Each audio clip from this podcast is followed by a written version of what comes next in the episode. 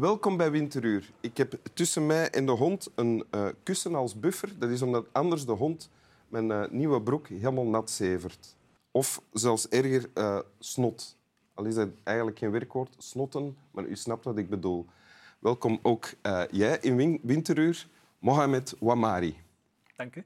En, en Swami Bami. Ja, het is veilig.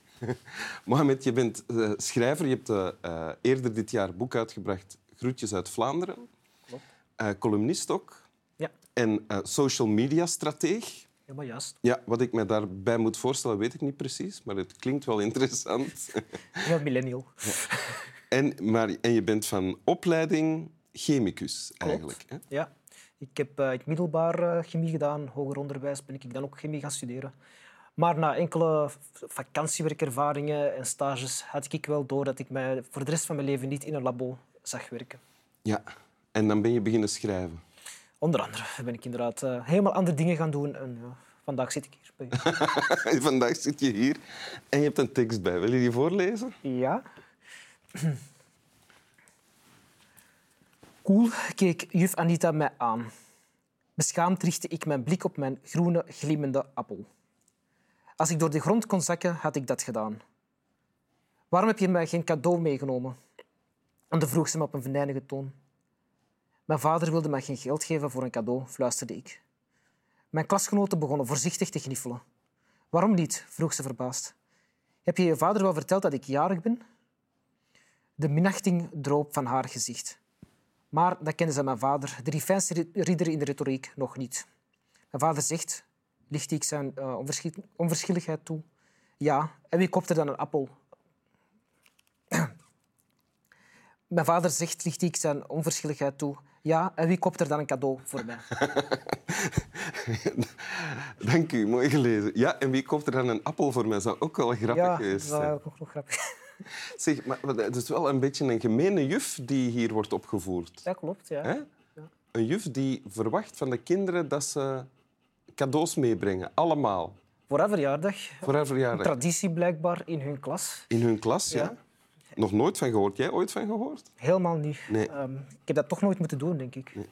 En de stem die hier aan het woord is, ik vermoed dat dat dan de schrijver is. Hè? Klopt, ja. Als, als uh, jong, uh, jong jongetje. Uh, zit, ja, zit in de knel, want hij heeft geen cadeau. Hij heeft wel een appel, maar die wil hij niet geven of zo. Ja, de glimmende appel is eigenlijk zijn middageten. Dus ah. hij, hij, hij, vertrekt van thuis en dan, eerder, beschrijft hij hoe hij dan naar, school vertrekt nadat hij discussie had met zijn vader. En dan uh, stopt zijn moeder hem de appel toe als hier, dit is jouw lunch. En dat is ook een beetje misschien een verwijzing naar... Als je enkel een appel meeneemt naar, naar school, dan weet je ook wat voor sociaal-economische situatie dat je thuis zit. Dus ja. Als dat jouw middageten is. En dan moet hij dat dan ook afgeven aan die leerkracht. Dus uh, ja. bijna maffia-gewijs worden afgeperst door een... Uh, door en toch wel rottig voor een kind. Alle andere kinderen hebben een cadeau bij, maar hij niet. En hij moet dan nog uitleggen waarom niet. Ah ja, het is, het is, uh, hij heeft het gevraagd aan zijn, aan zijn vader, maar die vader die zegt, ja, waarom zou ik... Die begrijpt dat niet. Die zegt, waarom zou ik een cadeau moeten kopen voor die juf? En dan heeft die juf ook niet het begrip van, oké, maar begrijpt die vader niet... Weet hij wel niet wie dat ik ben? Ik ben wel jouw juf, ik, ver, ik, verdien, die, ik verdien een cadeau bijna. En uh, ja, op een gegeven moment in, in, uh, in het verhaal uh, weigert hij echt ook die appel af te geven. Ah, maar die juf, dat gaat, het gaat nog verder. En de juf eist de appel op. Dan. Ja, die eist die echt op. En, uh, en hij gaat er eigenlijk tegen verzetten en zegt van nee, je krijgt geen appel. Hij wordt ook gestraft. Um, en dat is, het, dat is het, daarom dat ik dit stuk heb uitgekozen, omdat dit echt heel tekenend is voor een generatie van um, kinderen die uh, ouders hebben die gemigreerd zijn naar België. De schrijver komt uit Nederland. Um, die kennen al die gebruiken, die, al die zaken. Die school is om naartoe te gaan. Je krijgt onderwijs, je komt terug naar huis. En al die randzaken die erbij komen kijken, net als of het nu de appel is in het boek, beschrijft hij nog Sinterklaas, beschrijft hij meerdaagse uitstappen. Dat zijn allemaal zaken die niet gekend zijn bij een heel, bij een heel grote groep mensen. En dan zie je dat daar onbegrip is van thuis uit. Dan wordt dat kind naar, huis gestuurd, naar, naar school gestuurd. En um, daar is dan onbegrip voor de thuissituatie. Maar in plaats van dat er dan die twee situaties dan in contact zijn en met elkaar communiceren, wordt er gecommuniceerd via het kind.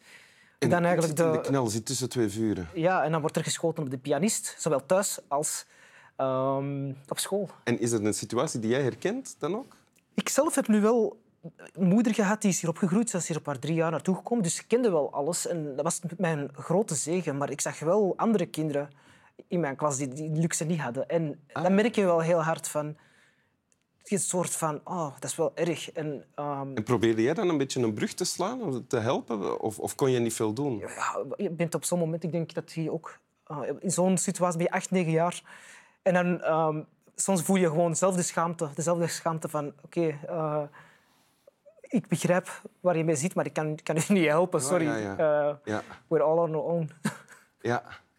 En is dit iets, heb je dit gekozen? Heeft dit jou aangezet om zelf schrijver te worden? Het is vooral het boek, uh, want ik heb eigenlijk van heel mijn leven nooit iets gedaan met, um, met schrijven. Dit boek dus? Ja, dus? Uh, dat is een columnbundel van uh, Abdelhakim Chouati. Ja. Ik, ooit op een voordracht um, was ik daar aanwezig, waar hij dan een stukje dan aan het voordragen was. En ik vond dat fantastisch. En ja, hij heeft me echt geïnspireerd toen. Ik denk dat ik toen tegen 21, 22 jaar was. En ik zei van, ik wil dat ook eens proberen. Je was geen lezer voordien? Ik was ook geen lezer. Of, ik, ik, lees, ik, las wel, ik las wel boeken. Vooral in, in mijn jongere jaren heb ik veel boeken, strips gelezen. En dan is er een periode dat je wat puber, denk, vanaf 16, 17 jaar, ja. dan begin je daar helemaal links te laten. Maar ik heb niks met literatuur gedaan. Ik heb nooit iets... Ik heb alle grote klassiekers nooit gelezen. En dan ontmoet je zo'n man, een inspirerend man, uh, die heel goed kan schrijven, vind ik zelf. En die mij dan inspireerde om, om gewoon eigenlijk zelf eens een keer te proberen. En dan ben ik via bloggen en via allerlei verschillende wegen... En wat, en wat vind je er dan inspirerend aan? Zijn scherpe pen, uh, zijn um, ja, zo de satire echt. En um, dat hij geen spaan er heel laat van, van de samenleving. Of het nu politiek is of eigen thuissituatie, eigen gemeenschap, de, de Nederlanders, de racisme, het racisme hij fileert dat allemaal op een heel um, genadeloze manier. En dat spreekt mij heel hard aan. Ah ja, want hij noemt zichzelf een pen-jihadist, lees ik hier. Ja, ook een heel provocatief, heel provocatief om het op de, op de cover te zetten. Jihadist is natuurlijk een heel geladen woord, ja? uh, een gevoelig woord. Maar uh, daar komt eigenlijk neer op strijder zijn of iemand die vecht voor iets. Ja? En een pen-jihadist is dan iemand die via de pen um, de strijd voert. En dat is ook iets waar ik heel hard achter sta. Zie jij jezelf ook als een pen-jihadist? Dat mag ik... Allee, ik wil mezelf ook zo wel noemen. Ah, ja. um, het, het, klinkt, het klinkt heel heftig. Ja? Uh, het is misschien ook klinkt heftiger dan het is, want ik zit gewoon braaf thuis achter mijn bureau Ja. aan de computer te tikken. Ja? Um, maar ik denk dat het woord um, het hoogste goed is. Ik denk dat dat de beste manier is om als je een bepaalde verandering wilt ma- meemaken, dan begint het bij het woord. En dat is wat ik bijvoorbeeld ook heb gedaan met mijn boeken. Ik, ik wilde echt gewoon schrijven. Ik wilde mijn verhaal naar buiten brengen. Want ik vraag me af, komt daar dan veel reactie op? Want hij, hij eh, heeft ook kritiek op de gebruiken in de Marokkaanse gemeenschap. Uh, komt daar dan reactie op? Ik denk? Of is dat bij wat, jou? Wat, hij goed doet, hij, hij spaart gewoon niemand. En ik probeer dat op dezelfde manier te doen. Dus als je eigenlijk tegen iedereen uh, boertig bent, dan is uiteindelijk iedereen content. Want ik heb dat met mijn boek ook gehad. Ik haal eigenlijk alle mensen door het slijk.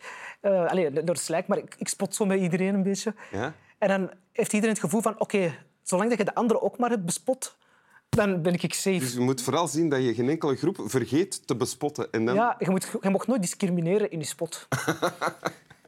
Is dat, is dat een adagium van jou? Ja, ik, ik, ik vind iedereen even lullig en uh, even onbenullig. En dat zorgt ervoor dat je dan iedereen op een gelijke voet zet. Ja?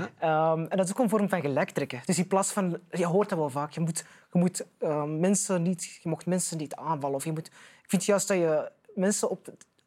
Dat je een soort van gelijkwaardigheid krijgt als je mensen op dezelfde manier um, behandelt. Ja.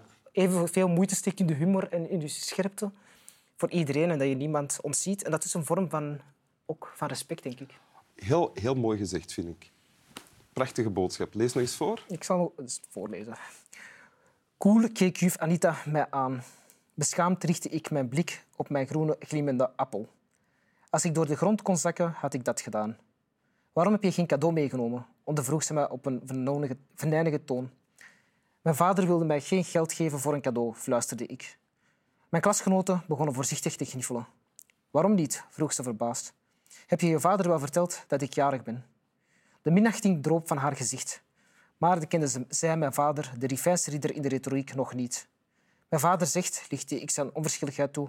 Ja, en wie koopt er dan een cadeau voor mij? Dank u. Dank u. Stap wel.